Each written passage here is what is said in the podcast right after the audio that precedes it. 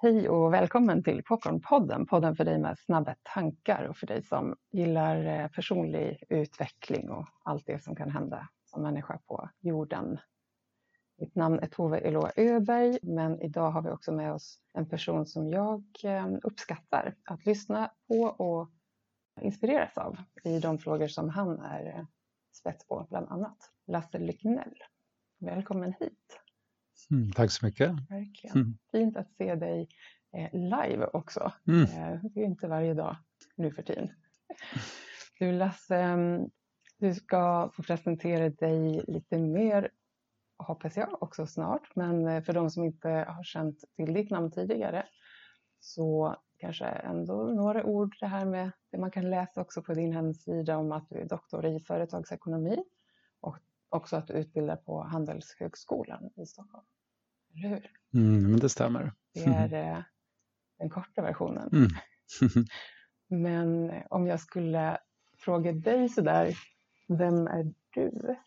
Vad skulle du svara på en sån enkel? Mm. Och jag tror att det svaret är väldigt färgat av vad jag precis hållit på med. Jag har hållit på, jag gett en kurs på Handels nu under andra delen av hösten. Har varit intensiv, så nu tänker jag på mig själv väldigt mycket som lärare. Mm. Och um, um, jag forskar också, jag studerar hur, försöker förstå hur ledare integrerar insikter från meditation och personlig utveckling med, med sitt yrkesliv och skapa ny kunskap kring, kring det som eh, fortfarande är ett ganska outforskat område. Mm. Um, det är två saker som jag gör. Mm. Mm. och sen driver jag ett eget företag också som jag kallar för Being in Business. Där vi tittar på hur vi kan ja, bidra till en integration av mer varande i, i, i näringsliv och organisationer och kanske på så vis också skapa effektivare verksamheter um, som har mer av en karaktär av inre hållbarhet som jag tycker om att kalla det. Spännande teman, mm. Mm. verkligen. Jag tänker också när jag ställer den där frågan, så här, vem är du? Att den är ju, och som jag hör dig, eller upplever att det är det du säger, att det är färgat beroende på lite vilket sammanhang man själv är i och vad du nu har gjort senaste tiden. Det kan vara en ganska stor fråga. Vem är du? Så. Mm. Men eh, det är just de här frågorna som, eh, som du beskriver nu som också var min ingång till eh, första gången som jag såg ditt namn när jag sökte på nätet för några år sedan. Någonting åt det här hållet med inre hållbarhet, personlig utveckling, arbetsliv utifrån att ha ett eget intresse. Så där. Och jag blev så himla glad, minns jag, när jag såg bland annat en artikel som du hade skrivit som ungefär, du får rätta mig om jag har fel, mm. men typ When work becomes meditation kanske? Kan det stämma? Mm, det stämmer precis. Det. Och jag blev så där, vad fint att det här finns någon faktiskt som, som forskar på det där. Mm. Eh, för mig så var det första gången som jag eh, förstod att någon som, som finns på Handels också har den typen av inriktning. Det gjorde mig jätteglad, för för mig har det ofta varit väldigt separerat. Meditationen, personlig utveckling och sen arbetslivet. Mm. Och någonstans att jag sökte var väl den där längtan till att få integrera det lite. Och du mm. nickar när jag mm. säger de här sakerna. Av det jag äh, säger nu, är det någonting särskilt av det som du resonerar med eller känner du igen att fler kan komma lite med den ja, men ingången att det kan upplevas som att meditation och personlig utveckling ska finnas på ett spår och mm. arbetsliv på ett annat. Mm. Det, är, det är en del som, som börjar meditera och jobba med personlig utveckling och upplever mycket eh, positiva effekter av det. Eh, men, men, men gör det liksom som, som två separata spår som inte, som inte riktigt förenas. Och för vissa kan det funka bra, men jag, jag upplever att det finns många som eh, för, för vilka det också blir i längden en, en utmaning att hålla isär olika aspekter av, av livet och att det kan finnas en längtan efter att så här, eh, få dem att komma ihop. Och det är sällan så avancerat som man, som man tänker eh, faktiskt. Mm. kan vara lättare än man tror. Mm, mm. Precis, och den här artikeln som du hade läst, When Work Becomes Meditation, den handlar om hur, hur ja, många som, som är intresserade av meditation tänker kanske att arbetet är ett hinder för att meditera. Men, men, i den här artikeln så menar jag då att, att arbetet kan vara en väg till fördjupad meditation snarare genom att man använder eh, de situationer som uppstår i, i yrkeslivet som, som, en, eh, som en väg vidare inåt. Jag vet ju inte alls om det är så du menar, men för mig associerar det lite till att ibland tror jag att det är fler än jag som kan tänka att meditationen eller yogan eller vilket nu rum då det är man har för personlig utveckling, att det ska ske på mattan eller i det där rummet. Medan mm. ganska mycket för mig är det ju att meditationen är att vara här och nu i livet, vart livet än pågår. Lika mycket på jobbet mm. någonstans. Gissningsvis, någonting åt det hållet. Men det kan ju ändå, ja, jag kan också relatera till att det inte är så lätt att känna eh, den kontakten kanske eh, i arbete eller yrkessituationer mm. som jag kan få i andra situationer. Där det i mig kanske upplevs mer stödjande på något sätt i i ett rum där fler är där för att meditera eller gå inåt. Så är det kanske inte det som alltid är settingen eller strukturen i arbetslivet. Mm. Smaka lite på det medan jag uttrycker mig. Förstår du lite hur jag menar, tror du? Känner du? Mm, jag, jag, tror det och det som kommer upp för mig när jag lyssnar på dig är att um, jag tänker på som att i meditationssalen eller på mattan eller så, så gör vi en slags grundträning eh, som sker liksom mm, i en speciell sfär av livet. Som är ordnad och det är upplagt för liksom att träna de kvaliteterna. Men sen själva livet, det, tar, det utspelas på ett annat ställe. Eh, och då kan vi ha med det vi lär oss på mattan eller i meditationssalen i, i livet och Eh, då kommer vi se, eller jag brukar i alla fall se, att det fungerar inte alls som jag hade tänkt mig. Något åt det hållet, eller hur? och, eh, och då kan jag lära mig nya saker. Och sen kan jag ta med det in i meditation igen. Det finns liksom ett växelspel av att, att utveckla inre kvaliteter separat och sen så att använda dem i, i, i det dagliga livet. Mm. Jag hör dig i det och eh, ja, fint, fint sätt att uttrycka verkligen. Men mm. du, ehm, och det är ju många saker som jag skulle vilja fortsätta att prata om, så det är så fint att se var det tar vägen. Den forskning som du gör just nu, mm. vad, eh, vad, vad, händer hos dig just mm. nu? Jag eh, håller precis på och avslutar ett ganska långt projekt som jag håller på med under många år. Då skriver jag en, ett papper tillsammans med Rebecca Arman som är docent eh, vid Handels i Göteborg.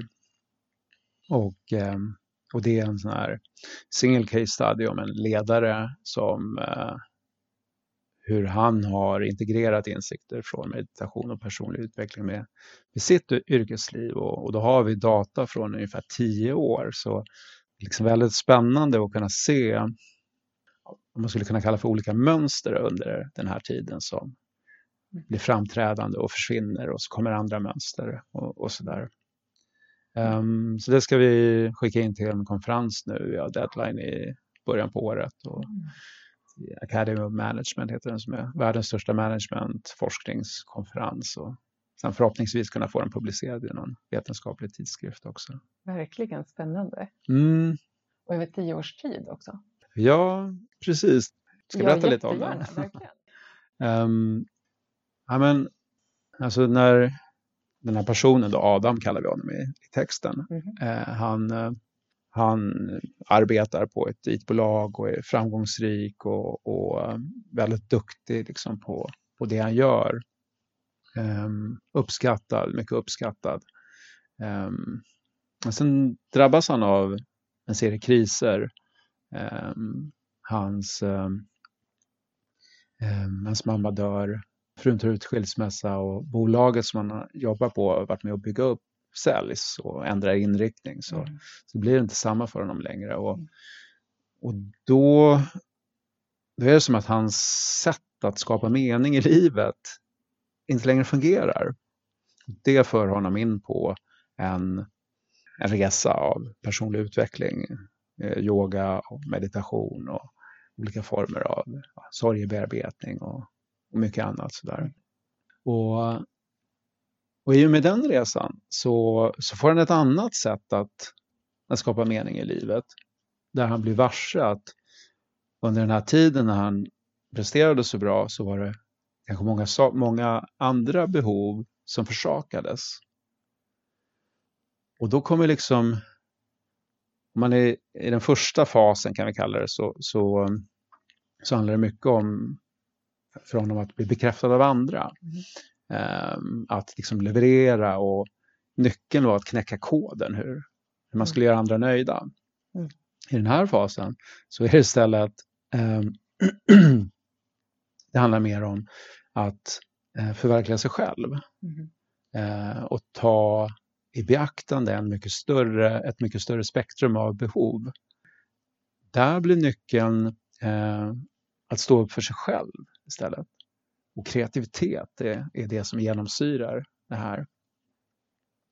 Och nu många berättelser om vad ska man säga, transformation som slutar där. Mm. Eh, men nu har vi fortsatt att, att titta liksom ytterligare fem år och, då kunde vi se att men det var inte så lätt att förverkliga sig själv och sina idéer och, och sådär. Det är jättesvårt. Starta bolag mm. och och så och sen kanske ta, ta jobb som, där man börjar, ändå börjar kompromissa med sig själv och känner att, att, det var svårt det här. Um, nära att gå in i väggen. Mm. Men att då ha de här, vara mer lyhörd för varningssignalerna och, och tänka att men nu behöver jag tänka om igen. Mm. Uh, och då gick han tillbaka till sitt gamla jobb. Men inte ifrån den här den här platsen där det var viktigt att bli bekräftad och, och så, utan snarare så här, nu har jag den här erfarenheten, både från mitt jobb tidigare och som jag har skaffat mig under den här fem åren när jag varit ute. Hur kan jag bidra? Och det är också ett mönster som jag ser bland, ska inte säga jättemånga, men, men en del personer som, som gör den här typen av resor det räcker att gå tillbaka och undervisa på universitetet och hjälpa studenterna. Det, det räcker att vara förskollärare och i kontakten med barnen förändra världen lite grann. Mm. Um, det är som att de här storslagna idéerna um, inte är så intressanta längre. Um, det är som att när man börjar meditera och så, så, så, så tänker man att egot ska försvagas. Men det verkar nästan lite som att egot ibland förstärks istället. Jag kan relatera till en process av det. Så det var fint att du skrattar åt det, eller med det. Men, ja. Inledningsvis i alla fall. Ja. Mm. Men sen är det som att efter ett tag, efter tio år kanske, ja. så, så avtar det. och alla vi som eh, liksom inte har kommit till tio år ännu, vi kan ha hopp. Nej, men, och det jag hörde som då, att eh, på något sätt självförverkligande, och det är ju också någonting av tänker jag i alla fall, att när vi lever i en välfärd som den vi gör, att vi har ganska mycket covered, liksom. vi har väldigt mycket uppfyllt, så finns det också eh, energi, eh, men, nog att få rikta inåt mm. till personlig utveckling och mm. meningsskapande och ganska högt på behovspyramid om man nu ska se mm. den eh, enkla bilden. Men då hörs det för mig som att det kan ju finnas kvar det självförverkligandet men att det här blir som en för mig blir liksom känslan en fördjupning i det, att det inte mm. längre bara är för en själv då, utan att också göra gott för, för sin omgivning och andra. Precis. um, exakt. Det, jag tycker det är spännande det här med skillnaden mellan att, att vilja göra gott för världen och ha ett stort ego. och å ena sidan och å andra sidan att vilja göra gott för världen. Mm. Punkt. Mm. um, det där är ju förstås så här, svåra gränser att dra. Vem har rätt och, och liksom säga vad som är vad och, och så. Men, men jag märker till exempel på mina studenter när jag gästföreläsare, att de är ganska bra på, på att känna av det där. Det är intressant. Och då blir jag nyfiken på om du själv har sett där, ja, men, något exempel eller vad är det som skulle kunna vad är det som studenterna fångar upp tror du? Eh, om det går att säga ens? Eller är det subtilt så att det knappt... Mm. Ja, jag tror att det är individuellt också men jag kommer ihåg vad jag ställde just en, en fråga hur de uppfattade en, en gästföreläsare som jag hade där och då pratade de om att han kändes genuin. Mm. Eh, att han kunde växla mellan olika aspekter utan att, att um, han kunde prata om väldigt olika saker men var samma person. Mm. Um, att han, han hade en väldigt ödmjuk och, och energi. Mm. Så det var några sådana saker som, som studenterna uppfattade. Spännande, verkligen. Och att jag sitter och nickar, det ser ju inte ni som lyssnar på podd, men eh, mig relaterar det till några situationer där jag har eh, ja, men lyssnat kanske på personer eller mött sådär eh, som i grunden om, man, om jag har hört på vad som sägs så är det jättebra saker. Men att jag i mig inte har upplevt att det riktigt går igenom. Mm, mm. Eh, det säger ju ingenting om den personen egentligen. Den är ju perfekt som den är. Mm. Men i mig resonerar det eh, kanske inte så som jag mm. vet att andra skulle kunna väcka in. Så, så, för mig blir det det som på något sätt, eh, eh, ja det är någon form av likhet i det. Mm. Men ja, också då att då finns det ju någon för alla. det tror jag verkligen. Någon annan kanske skulle resonera med den mm. personen. Men eh, ja, det vad som är sant på något sätt. Mm. Och att vara samma person oavsett rum. Jag har för mig att i en av de workshops som du har haft digitalt, eh, sån här AV eh, meditation eller workshop eh, mm. online, som jättefina rum, verkligen. Kanske kan återkomma till det om det blir möjligt. Eh, så har jag ett minne av någon gång, tror jag att du sa ungefär så här att på temat inre upplevelser och yttre eh, sammanhang. Eh, att oavsett rum så har vi med oss själva. Minns du någonting av det eller kan du relatera till fenomenet?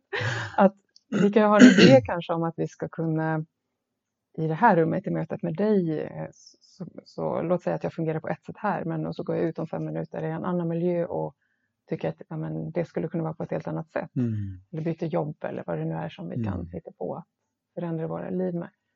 Men gemensam nämnare är ju vi. Mm på något sätt. Mm.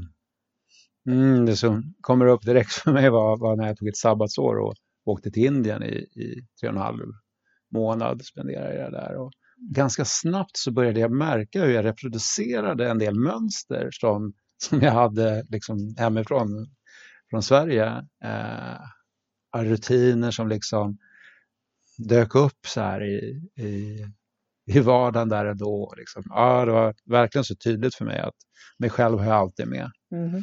Yes. Mm. Och gissningsvis så behövdes inte alla dem på samma sätt, eller eh, i alla fall kanske inte. Nej, en del skulle jag nog liksom ha, ha kunnat eh, känt var ganska skönt att slippa. Ändå fint att få syn på det. Ja, verkligen. Och, och, jag känner också en viss här, acceptans inför men jag, även fast jag var i Indien så, så, skrev jag ganska mycket och gjorde ganska omfattande så här litteratursökningar eh, och, och, och sådär. Det tycker jag ju om och det var också ett, liksom ett litet syfte med resan. Så här, men jag kände att jag kanske så fastnade i det lite mer än vad jag hade tänkt från början i alla fall. Man kan också ha idéer om hur saker ska bli, mm. eller hur? Mm. Det är ja, ja, ja. en sån sak. Och det kan jag tänka tillbaka liksom också på perspektivet som eh, verksamhetsansvarig, ledare, chef och, och, de frågorna som du ju också eh, forskar kring. Eh, som chefledare eller i utveckling av verksamheter ska man också ha idéer, eh, minst sagt, om hur saker borde vara. Mm. Eller när det ska ske, på vilket sätt och sådana saker. Mm. Ja, många tänker att det är ens jobb. Eh, lite så. och, ehm, Ja, lite grann sådär, um, också en fråga om, om jag tog dig ifrån ämnet på det arbetet ni gör nu utifrån han Adam då, Mm. som ni kallar honom. Finns det sådana saker som ni också ser där? Liksom i, vad kan ni ta med er ifrån den studien eller kanske Mm. andra också som ja, men så att säga blir värdefullt för organisationer? För jag förstår, för mig känns det väldigt givet att det här blir viktigt och värdefullt både för individen och organisationen. Mm. För jag tänker att det hör ihop. Organisationer består av människor. Men eh, för den som inte... Eh, om vi nu liksom, det finns ju många ingångar. Mm. Vad, vad blir din ingång på det? Mm. Att se individen och organisationen, vad effekten blir på flera plan? Ja, eh, nu kände jag att det kom så här olika grejer. Var som att jag hörde olika frågor eh, under en, en tid där. Ehm, jag vill berätta om ett exempel först. Hur han beskrev då när han hade kommit in i det här tredje mönstret med att, att bidra och, och eh, då, då hänger det också med så här, att se helheter mer och om, om nyckeln i första var att, att, um, att, att knäcka koden så är nyckeln här att släppa taget. Och, um, och han, kunde, han kunde märka det för att jag gjorde den här intervjun mm, ja, några månader efter att covid hade kommit. Och, ehm, och han berättade då hur han upplevde att han hade mycket, han hade mycket lättare att vara med den osäkra situationen, krissituationen som uppstod. Eh, därför han hade ju tränat på att vara i kris under så lång tid.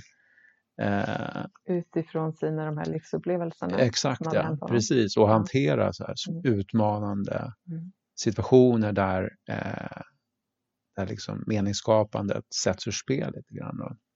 Mm. Eh, så han kunde ju stödja de andra i organisationen från en helt annan plats. Och, och det tänker jag också är ett väldigt konkret exempel på hur erfarenheter från den här typen av processer Mm. direkt kan bidra i organisationer. Ja, spännande verkligen. Och fråga, och här i podden väljer man ju vad man svarar på. Men jag skulle vilja fråga i alla fall, så får vi se hur det landar hos dig. Men är det också någonting så här, kan du relatera för egen del till den typen av eh, eh ja, men livserfarenheter och upplevelser som senare fått, eh, så att säga, eh, lite mer begriplighet eller att man kan sen förstå att ja, men här var mina erfarenheter från förr viktiga eh, och är också det här arbetet som du gör förankrat i någonting av det eller hur ser det ut för dig? Finns det någon jag är inte riktigt säker på att jag förstår vad du Nej. är ute efter nu, men det låter som att det är... Vill du prova igen? Mm, men frågan blir lite grann, grundfrågan tror jag blir om det finns eh, någon motsvarande upplevelse hos dig av det här. Just Adam som ni säger då Mm. hade ju liksom livskriser, sorger, utmaningar på det Mm. sättet som senare visar sig kunna vara guld för att det blir eh, hjälpsamt Mm. för andra. Att han kan eh, ta stöd av det och att han är van att Mm. hantera. Eh, och kanske inte måste vara exakt samma upplevelser, tänker jag, som jag frågar dig Mm. om. Men ja, här, finns det också den typen av erfarenhet att man har utmaningar, till exempel inom det du forskar kring själv, eh, med det här att, att skilja på rummen av meditation och jobb eller vad det nu kan vara. Mm. Eh, att du kan relatera till det, att det har skavt på något sätt och sen att det blir eh, värdefullt Mm. och meningsfullt också för andra. Sen är jag inte säker på att det blir mycket tydligare den här gången, men du får se vad som... Nej, men hela... ehm, det är väl det perspektiv som jag själv ser mitt liv på. Då ser jag det som, som liksom en, en, eh, en växelverkan, en ständig växelverkan mellan, mellan eh, att mina perspektiv blir utmanade och att jag ehm, får en möjlighet att, att ehm, expandera min, min, eh, min förståelse, att, att liksom kunna greppa mer komplexa eh, ska man säga, förhållanden. Eh, och att de här kriserna är, är, kan liksom vara på en, på en livshotande nivå från, från det till, till att jag känner att um, att jag känner att jag inte har varit bra lärare en dag. Mm. Så det är väldigt så, olika nivåer, men, mm. men, men jag, jag, tror att jag, mitt, hela mitt liv är, är liksom en ständig växelverkan. Mm. Um, jag vet inte vad det innebär riktigt, men det är så det känns. Mm. mm. Och jag sitter här och, och, lyssnar och så tänker jag också på eh, ja, men på något sätt till mig sådär eh, som vi innan vi började spela in och, och pratade om så här, ungefär lite upplägg kanske eventuellt och så får man se var man hamnar. Att, eh, det händer någonting med det att det är en ständig växelverkan så att livet pågår ju och, och det som är nu upplevs på en lite så här för mig på det här sättet och om fem minuter så skulle jag kunna uppleva, låt säga identisk situation på lite ett annat sätt. Mm. Men också det att koppla tillbaka till så här, poddens lyssnare eller som chef och ens medarbetare eller egen chef eller vad det nu är, vänskap, relation. Att inte heller veta hur det landar hos någon annan. Här, faktiskt. Eh, och att behöva överlämna det på temat släppet taget. Det är någonting, ja, det här kanske blev en jättelång loop, men så funkar ju min hjärna. Så vi, vi får se var det hamnar. Um, för, för någonting av det du också fångade från Adams perspektiv, det här med att släppa taget. Det begreppet är ju också någonting som kan vara lite diffust. Vad är det? Och liksom, mm. Vad betyder det? Och I meditationssvängen så är det ett ganska flitigt använt begrepp, men vad betyder det konkret? Mm. Att släppa taget till exempel. Och för mig här i podden så är en övning att släppa till exempel idén om att framstå på ett visst sätt. Eh, inte som att vi alltid lyckas förvisso, men också hur det landar hos andra. Det är så en konkret övning i det, att sända det även om jag skulle tycka att det kanske inte är att jag har framstått som mitt bästa eller kanske var otydlig här eller så här. Att ändå våga liksom, eh, lämna ifrån mig och mm. lita på att det landar där det ska för någon som lyssnar. Eh, den typen av process tänker jag att det blir som, som associerar mig utifrån flera av de saker som, som du delar kring det du själv utgick ifrån nu men också kring, kring exemplet. Mm, du, du antecknar lite och du får associationer i dig tolkar jag det som. Vad, eh, ja, vad händer när du, när du hör det här? Ja, um, ja men först så känner jag igen mig mycket i det här att Ehm, min förståelse, tolkning av, av någonting kan skifta väldigt mycket från en situation till, till liksom en annan. Um, det är som att mitt sinnestillstånd är, är lite rörligt, att, att det skiftar med tiden. Och, och, och du, jag, jag, tänker att jag har tränat upp en viss medvetenhet så att, att jag liksom verkligen kan se det också när det, när det händer. Um, inte kanske nödvändigtvis göra så mycket åt det alltid. Men, men och sen pratar du om det här med att släppa taget och, och ja, jag, jag, är verkligen fascinerad av den praktiken och tycker att den är, den är så spännande för, för när, när det händer så brukar så mycket möjligheter öppna upp sig. Um,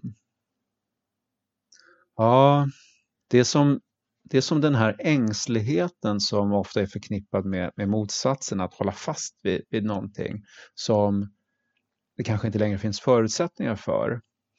Eh, den, hur den ängsligheten liksom skapar en, en eh, hindrande energi snarare. Och eh, ja, jag tycker att det är väldigt spännande. Mm. Mm. Och för mig när du säger ängsligheten och att när förändringar sker och att förutsättningarna är förändrade och där exemplet med Adam där han då i att pandemin sker till exempel är ganska tränad i att med förändrade förutsättningar som man inte styr över överhuvudtaget. Mm. Eh, livet har hänt mm. på en del utmanande sätt och att förhålla sig till det och göra vad man kan med det. Leva mm. där. och att liksom applicera det tillbaka till verksamhet. Um, spännande perspektiv. Mm. Jag tänker att tillit är ett, ett nyckelord. Mm. Um, tillit och, och, och för mig är det väldigt mycket kopplat till acceptans. Alltså en acceptans för så som liksom en situation vecklar ut sig. Um, det är som det är. Mm. Vilket inte betyder att det alltid behöver vara så. Men just nu så är det som det är. Um, och det är en skön plats att, att agera ifrån. Jag har ett annat exempel som jag, som jag brukar dra med, med, med en VD som eh, driver ett ventilationsföretag och en av hans bästa montörer blir plötsligt uppsagd, eh, eller säger plötsligt upp sig för att hans flickvän har blivit gravid och måste flytta, byta stad och så. Eh, och det är liksom verkligen en, en kris för, för det här. Det blir en utmaning för det här företaget och han tänker så här, shit, det här, det här kommer gå åt helvete nu. Um, och så kommer han, noterar han de här, han är ju också tränad i meditation och, och så, noterar han de här impulserna att, att liksom så bara, ah, jag vill gå till gymmet och jag vill ringa mina kompisar och prata och, och sådär om annat liksom. Eh, försöker så här fly ifrån. Men han berättar också när han sätter sig med det här liksom och sitter och känner hur han känner sig och han känner sig liten och sårbar. Kommer också lösningarna, beskriver han det som. Då ringer han den här eh, nya arbetsgivaren och, och pratar med honom. Då visar det sig att man kan ju låna folk från hans företag. Mm. Och så säger han så här, och nu känns det faktiskt bra. så lägger han också till, och jag känner så mycket medkänsla med montören. Mm. Livet förändrades för honom på ett sätt som han inte ville. Mm. Och då tänker jag också så här att um, om den här montören någon gång vill komma tillbaka så är det så skillnad om de hade skilts åt med liksom mindsetet att det här kommer gå åt helvete och det är ditt fel. Mm. Till att så här, det här kommer gå bra och jag känner så mycket medkänsla för dig. Mm. Tycker jag också är så här, lite grann som en buljongtärning eh, som exempel, att det innehåller så mycket. Verkligen, och ganska smakförhöjande inblandade faktiskt. För det är också det, tänker jag, när jag hör det exemplet så blir det mm. också så där modet att våga ja, men dels upptäcka eh, eh, egna behov och vad skulle jag behöva här? Mm. Vad skulle vara min önskan och att våga uttrycka den, kommunicera den, se om det är möjligt att mötas mm. på något sätt. Han hade ju kunnat välja att inte säga mm. och bara tänka att det är ingen som kommer eh, mm. ta emot det här. Det kan vi ju hålla på med också. Men det finns något mod och, och en ja, sårbarhet är ett ord som kommer till mig som kanske för en del inte alls känns relevant här, men för mig mm. är det här, lite modigt att kunna välja det där spåret. Mm. Men också när det sker så är det som att det blir win-win-win. Mm. Och att någonstans, ja, att det kanske också blir mer möjligt mm. med lösningar vi inte hade kommit på enbart själva. Just det, Faktiskt. det är en viktig del i mm. det. Så tänker jag också den här acceptansen som man visar för, för situationen. Så här, det här mm. känns inte skönt, så här, men vi accepterar så här som det är. Mm. Det är ju som det är liksom.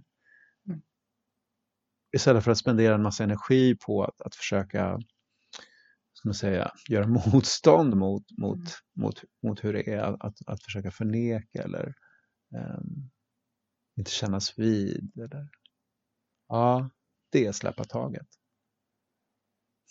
Så tänker jag också, får jag spinna vidare på det här så vi ser var vi hamnar det här med att det är som det är också skulle ju kunna vara, det som är kan ju också vara lite olika beskrivet beroende på vem vi frågar.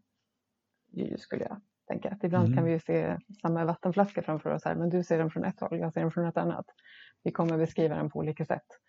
Um, för mig så blir det också den här ingången i mötet, så där, att också dels få syn på sina egna tankar, men ibland Eh, eller ofta skulle jag säga, så händer det någonting annat när vi möts fler också och lyfter eh, en viss fråga eller situation eller perspektiv.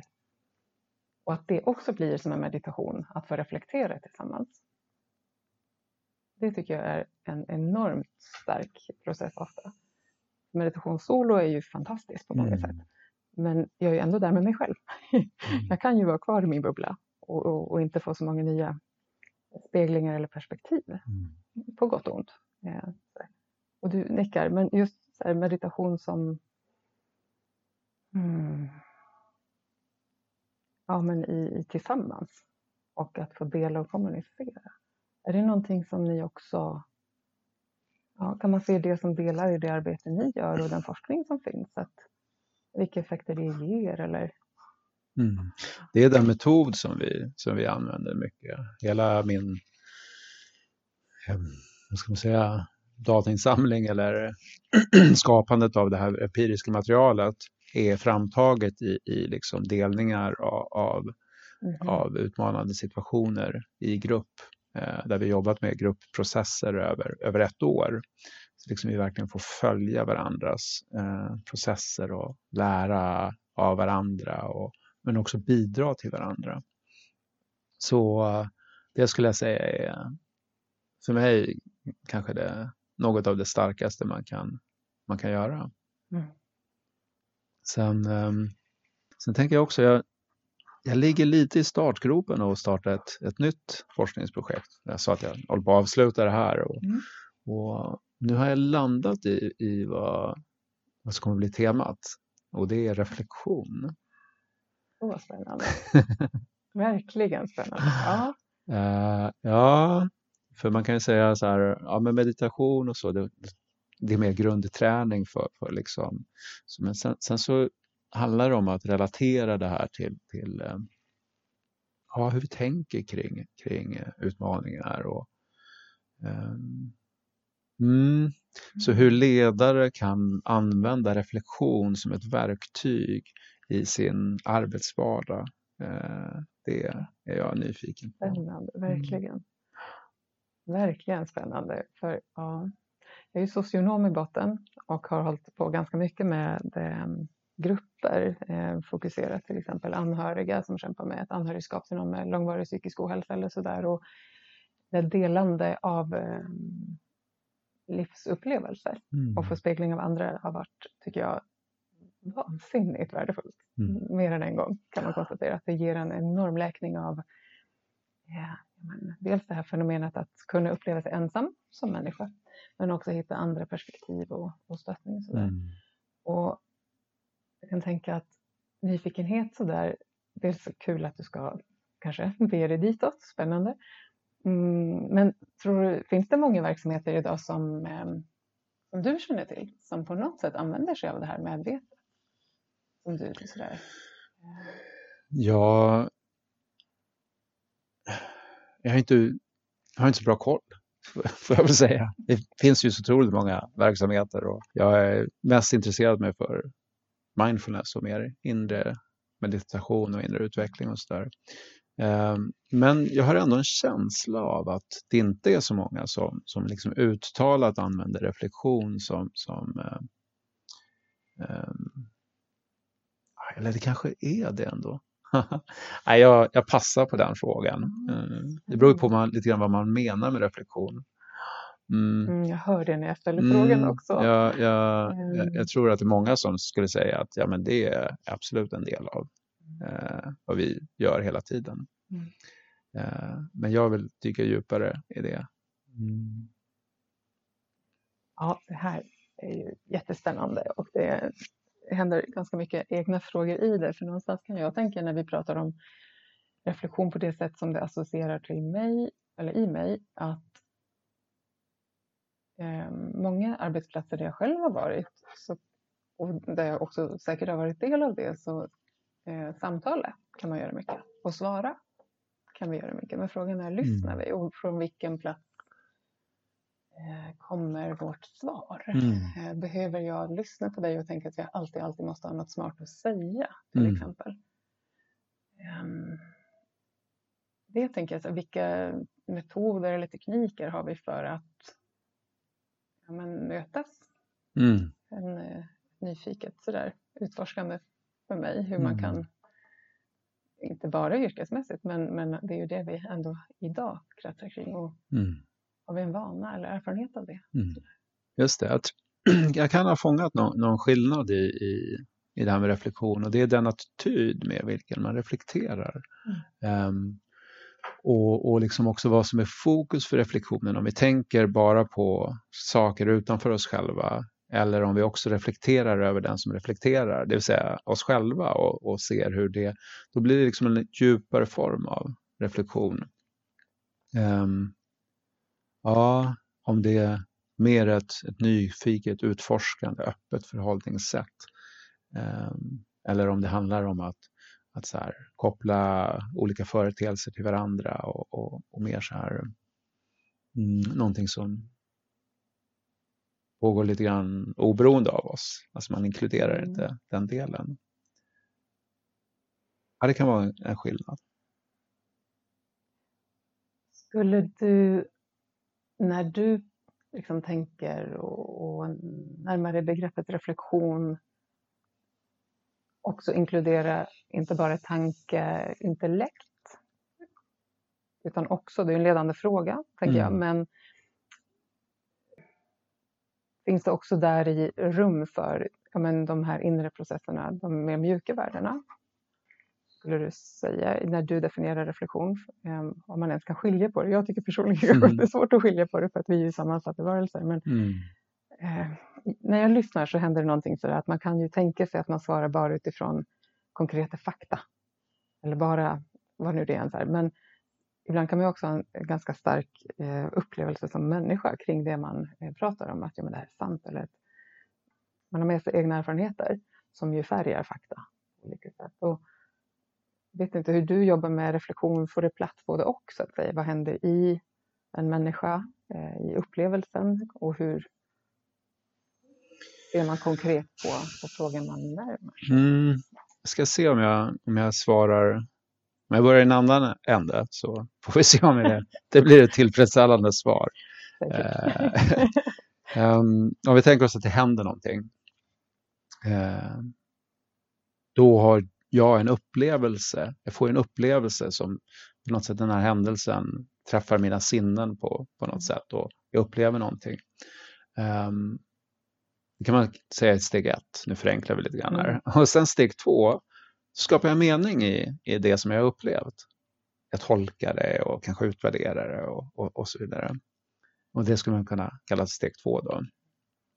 Och, Ehm, och båda de här, ett och två, eh, två har vi ju väldigt, vi kan sällan styra så mycket över vad som händer, men vi kan påverka den mening vi tillskriver eh, det som händer. Um, vi kan ännu mindre styra hur vi upplever saker. Men med meditation, tänker jag, så kan vi ändå så ta oss närmare, närmare den här rena upplevelsen som buddhisterna ibland eh, kan tycka om att prata om. Eh, vi kan, ta vi kan närma oss det och, och, och liksom fånga processen av upplevande lite tidigare än, än annars. Mm. Mm. Eh, och reflektion kan då ses som, som, som att, eh, att reflektera över de här två olika processerna, hur, de, eh, hur mening formas. Jag, eh, jag känner att svaret landar hos mig i alla fall. det gör jag. Mm. Och också någonstans det jag tycker mig höra är det här också att förlänga på något sätt ja, men stunden från att vi får en info eller ett intryck till att vi gör något med det. Mm. Eh, så. Egen mm. erfarenhet, superlätt att reagera, snabb. Mm. Så. Just det. Det är en del av, av min kvalitet till exempel och jag tror många kan relatera till det. Men, och på temat att livet händer så, så, så i vissa rum är det ju också kanske lättare att hamna i ett tempo faktiskt. Men eh, jag tror man ska lägga till där också att, att den här snabba responsen är ju vad som många gånger uppmuntras och uppskattas i, i det samhälle som vi är inbäddade i. Mm. Um, verkligen. Verkligen. det är ju så faktiskt kan jag också tänka. Jag har också fått utforska det i, i podden, eller varje också nu, så att mm, men hur mycket tystnad tål en podcast av reflektioner lärt känna in till exempel. Um, vad blir liksom socialt accepterat? det finns en del sådär, ja, utöver det att, att som liksom människa stanna kvar med upplevelser. Kan ju vara utmanande nog. Men också förhålla sig till eventuella förväntningar. Mm. Hur långt får en tystnad vara? Mm. Kan du relatera till det alls? Om jag skulle haft en podcast skulle jag nog... Mm. Jag vet inte, det skulle vara spännande. jag vet, det kanske blir en podd för dig. mm. Men du... Um, mm, det finns ju som sagt många spår och jag tänker att det jag hör är både att ni är liksom in i uh, vad ska man säga, landningsbana på ett sätt kring den forskning som ni har gjort nu ett antal år, du och Rebecka då. Mm, men också en, en ingång på, på ett nytt spår med reflektion. Mm. Och det är ganska många år nu som du har eh, hållit på med den här typen av forskning. Mm. Visst? Mm. Det börjar bli, hur länge rör det sig om ungefär? Som? Åtta år. Mm. mm. Hur, eh, hur, hur kom det sig från början? Mm. Vad, vad förde dig in på den här? Mm. Det? Mm. Precis, det var ju inget karriärbeslut direkt. Eh, fast det blev ju det. Det blev ju det, ja. Nej, jag tror 2005 så gick jag någon, var på någon meditationsretreat och, och märkte liksom för första gången, jag märkte hur, ja, men vilken skön känsla jag hade i kroppen. Och eh, då kändes det så främmande att eh, att fortsätta jobba som vanligt bara och inte ha någon speciellt skön känsla i kroppen. Liksom. Känna mig stressad och så här. Det var som att, jag, att, att liksom möjligheten expanderade och, och jag kunde se mycket mer och, och ja, jag blev nyfiken på det där och fortsatte jag och så här, gå på lite grejer och åka till Indien på vintrarna ibland och ja, men utforska samtidigt som jag skrev klart min doktorsavhandling. Och um, när jag hade skrivit klart den så rullade det på lite grann. Jag blev, eller rullade på ska jag inte säga, jag hade tur och blev, blev anställd i ett, ett forskningsprojekt då, som mm. var, var prestigefyllt och, och spännande verkligen. Och jag skrev min avhandling om IT-relaterad verksamhetsutveckling. Mm. Um, och um, om växelspelet mellan, alltså man utvecklar ny teknik och, och hur den används. Mm. Och, mm. så. Um, men där någonstans så, så hade jag liksom kommit till, till, en punkt där jag, kanske lite grann som Adam, um, fick svårt att, att,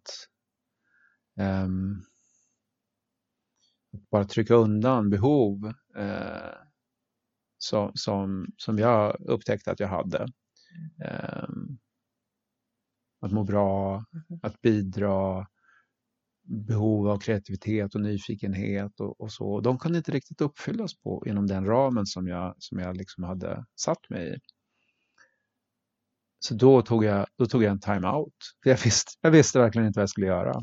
Jag tog en time-out från forskningen, fortsatte undervisa. Så det, det tyckte jag var, funkade bra fortfarande. Mm. Och, ehm, och sen så sen kom det bara till mig att, att uh, var på, jag var på någon kurs och det var någon som berättade liksom, att jag är så orolig nu när kursen tar slut och vad jag ska göra då. Alltså en meditationskurs. Mm. Och sen så märkte jag att det var flera andra som hade samma frågor. Och förstod jag att här är ju här är en viktig grej. Mm. Så började jag forska om det. Det blev förstås mitt sätt att integrera mm. mina insikter eh, med yrkeslivet. Spännande, mm. verkligen lustiga är så här, jag berättade om min avhandling om, om IT, utveckling och användning. Och, och, jag har ju lite samma tankegångar fortfarande med så här, personlig utveckling och hur de insikterna kommer till ja, användning i, i vardagen. Ja.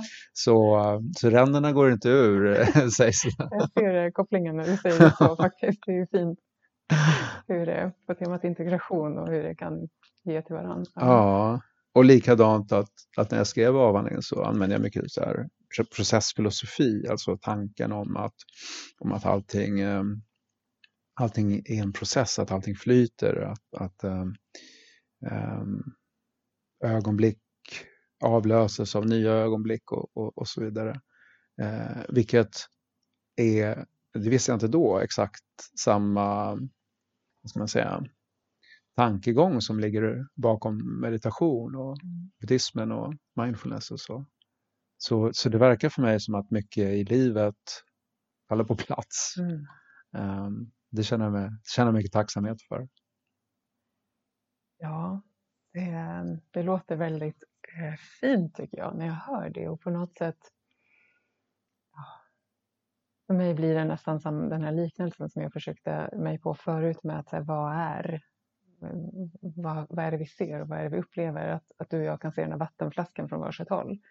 Och då tänker jag att man kan se det från liksom, managementhållet på ett sätt och från buddhismen på ett, men process förekommer i liksom, olika perspektiv eller ord eller kulturer kanske. Mm. Eh, och att det får mötas, att det får plats mm. samtidigt. Men absolut, och, och liksom Filosofin är, är, är, många som använder den inom, inom just managementforskning. Och ett, ett typexempel är ju så här, om man tänker på en organisation som en sak, liksom, så, så, så ser man vissa saker. Men om man tänker på, på det som en process av ständig organisering, alltså någonting som händer hela, hela, hela tiden, ehm, så ser man andra saker, lite grann som en, en ehm, sån här som går på hög lina och så står stilla och balanserar där. man tänker att den personen står helt stilla. Men om vi tittar närmare så ser vi att det är muskler som rör sig hela, hela tiden för att annars skulle aldrig den personen kunna stå stilla. Mm. Uh, mm. Ja. Mm, fin liknelse, verkligen. Mm. Det kommer från Gregory Bateson, spännande. Och det här på något sätt så vill jag säga också för mig så tänker jag att någonting som är spännande för mig i mötet med dig på det här sättet och i de andra men som workshops och, och olika rum, att det finns en, tycker jag, förmåga som du har att konkretisera teori på något mm. sätt så här, som ja, men på något sätt blir hanterbar och begriplig. Jag tycker det finns en en fantastisk sak i det, att kunna mm, koppla ihop det. Eh, verkligen. Och ja, jag blir så nyfiken på mer. Men det är också fint att få se andra eh, den typen av kvaliteter. Så vill jag verkligen, ja tack typ. Det är mm. gott. Mm. Det kan vara ganska fint att ha med sig det eh, i livet också.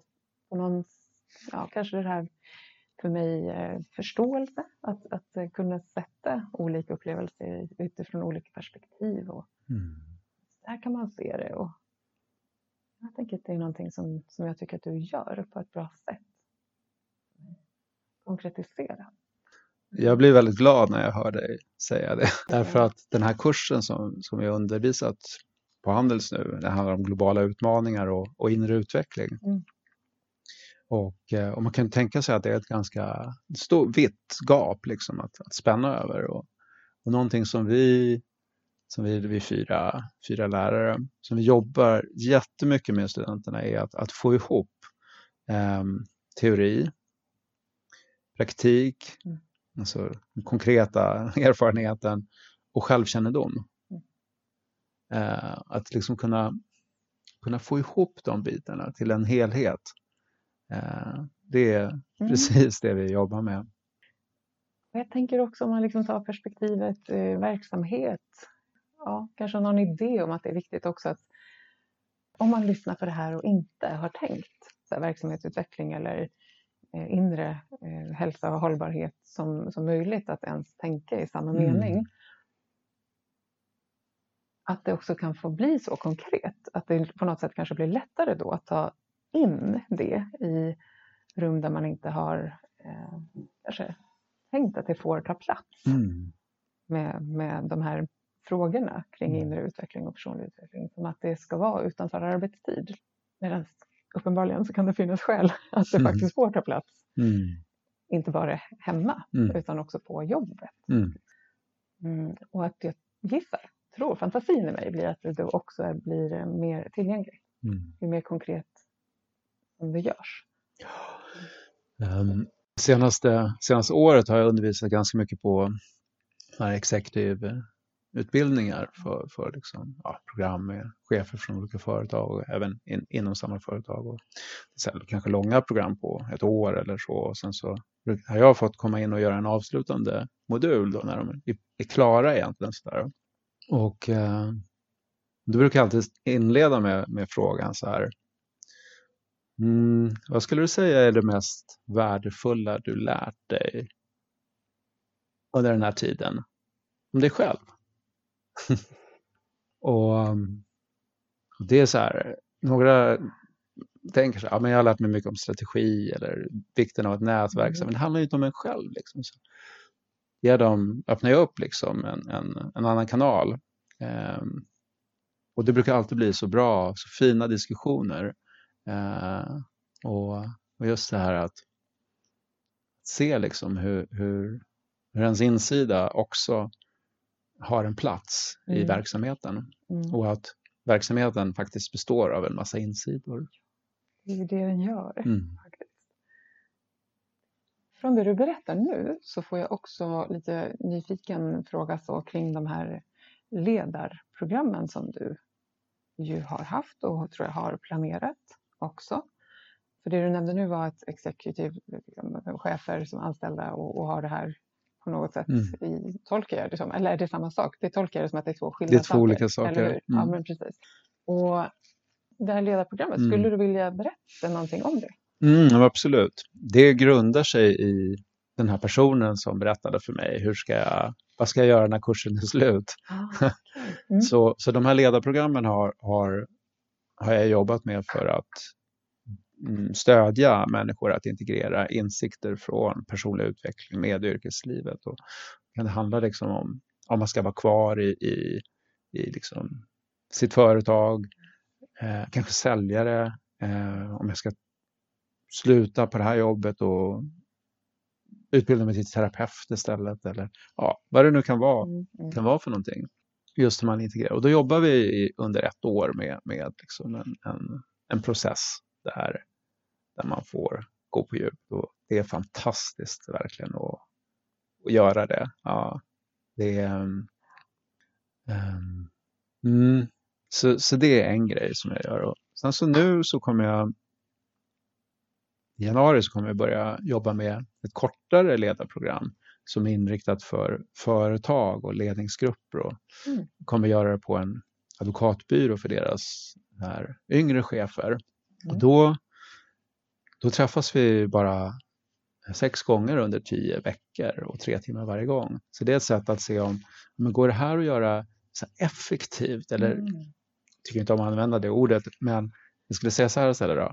Eh, går vi att göra det på ett sätt som, eh, som gör det enkelt för företag att odla de här kvaliteterna mm. inom ramen för sin verksamhet. Mm, eh, och ja, jag ser jättemycket fram emot det. Det låter jättespännande. Du ser också glad ut när du pratar om de här sakerna. Det har du gjort förut också. Ja, mm. Det låter verkligen eh, som att det blir en eh, kontakt med någon mening. Verkligen också mm. i de här frågorna. Mm. Och jag hörde som det här sista då, att liksom en kortare tid än ett år i alla fall, mm. liksom en ingång. Att det blir lättare att välja att gå in i, i den här typen av arbete mm. för olika organisationer. Ja, mm. och, och det är ju inget så här, inget hokus pokus vi, vi gör verkligen, utan det är lära sig skapa ett glapp mellan stimulus respons. Mm. Um, alltså bli mer mindful. Mm. Um, lära sig känna, känna in sina egna känslor och behov och, och också andras och hur vi kan prata med varandra för att, att liksom vara kvar i det här medkännande och, och vad ska man säga, konstruktiva spacet. Eh, och inte falla in i konkurrens och misstro och så där. Hur kan man skapa ett bättre klimat helt enkelt på arbetsplatsen? Eh, handlar om själv, självmedkänsla ska jag säga. Mm. Eh, det här att bli lite snällare mot sig själv. Mm. Vi är så himla bra på att piska oss själva och, och sådär. kan ju ha positiva effekter kanske i, i det korta. Men, men, eh, men i det långa så, så, så, så hindrar det väldigt mycket. Um. Mm. Precis, frågan är lite hur hållbart det blir. Mm. Dels hur härligt är det att mm. leva där? Ja. Hur bra mår vi? Frågetecken också hur mm. kreativa och eh, mm. härlig utveckling kan ja. ske där. Så det är flera perspektiv i det, tänker jag. Exakt. Så någonstans här, vilken typ av organisationer vill vi, vill vi forma och skapa? Mm. Eh, bidra till. Om du skulle säga någonting av det som ger dig mest glädje i det du gör och är i om dagarna. Mm. Vad skulle det kunna vara för någonting då? Av de eh, rum eller situationer? Eller, eh, nyfikenhet, den frågan kommer. Så nu har jag igen en bias mot det som har hänt senast här. Ja, men just nu. Just, just nu. och, och det som kommer upp var, var liksom, vi avslutade precis den här kursen på, på Handel som globala utmaningen och studenternas presentationer och deras slutuppgifter eh, och hur de verkligen hade höjt sig från den första upp, uppgiften de skrev som, som eh, ja, men vi lärare, vi, vi, vi rättar ju ganska hårt och de blev så besvikna eh, och det blev, tyckte jag själv, liksom, till och med jobbig stämning.